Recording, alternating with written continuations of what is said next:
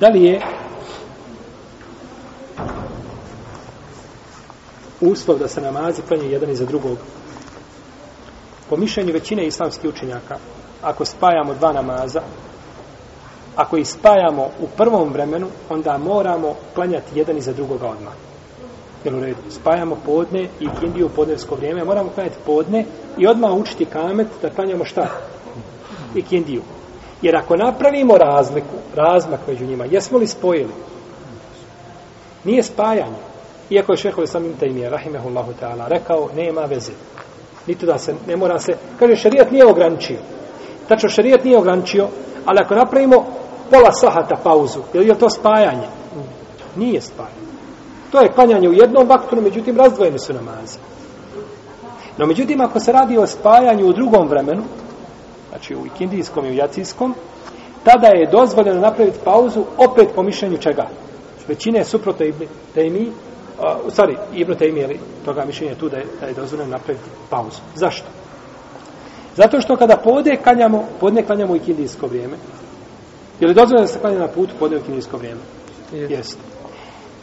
A ikindija je onako je vrijeme sada s čega? Ikindije, pa nismo dužni da da spajamo. Jer sad traži onakom, no međutim ako klanjamo podne u podnevsko i hoćemo klanjati kindiju pa je odgađamo, jer to je kindijsko vrijeme tada u to vrijeme. Pravo, nije pravo i kindijsko vrijeme. E sad, kod uleme koja kaže to je sve jedno vrijeme, od podne do akšama, to je druga stvar.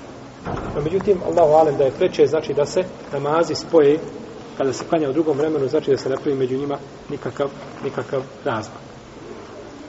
Spajanje biva po jačem mišljenju i to je stav šafije i po starom mezhebu i to je stav imam Ahmeda po jednom rivajetu isto tako stav Ibn Hazma da treba učiti jedan ezan i dva ikameta tako došlo od Isu Džabira da je poslanik sa osremena Arefat pručio jedan ezan i dva ikameta da je pručio na Muzdelipi jedan ezan i dva ikameta dok kaže imam šafija po novom mezhebu i seuri imam Ahmed po jednom mišljenju da se uče samo dva ikameta da se uče samo dva ikameta, no međutim, a jače je mišljenje koje je došlo u hadisu od Džabira, tu se spominje šta i i učenje je zana. Da li je obavezno klanjati namaze po redu? Kada pa se klanjaju, kada pa mi klanjam na putu, pa da klanjamo i kindiju, pa onda podne islamski učenjaci kažu da je to zabranjeno. Mora se slijediti redosled koji je postavljen šarijetom i nije ga dozvoljeno ni u kom slučaju mijenjati. A poslanik sallallahu alaihi sallam kaže sallu kema raitu muni usan. Klanjajte onako kako ste vidjeli mene da klanjam.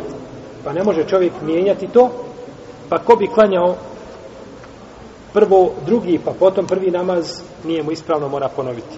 Čovjek dođe u džamiju i ljudi klanjaju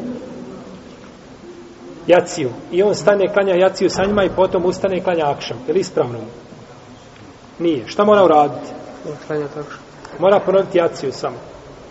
Na u redu. Ona prva jacija što je klanjao, računamo se kao na fila. Pa je klanjao akšam i onda je duže nakon toga, nećemo kada sad ponovi šta? Znači, Jedan, dva puta da kažnjavati. Nego, kažemo, klanjaj jaciju čovjek ne zna. Ne zna da je to neispravno. Pa klanja jaciju, pa akšam. Hoćemo mu kazati da klanja jaciju? Hoćemo. Neispravno mu je. Znači, ona prva jacija nije bila po poredku, znači kako su, kako je to postavio šerijet, pa treba nakon toga ponoviti, ponoviti namaz.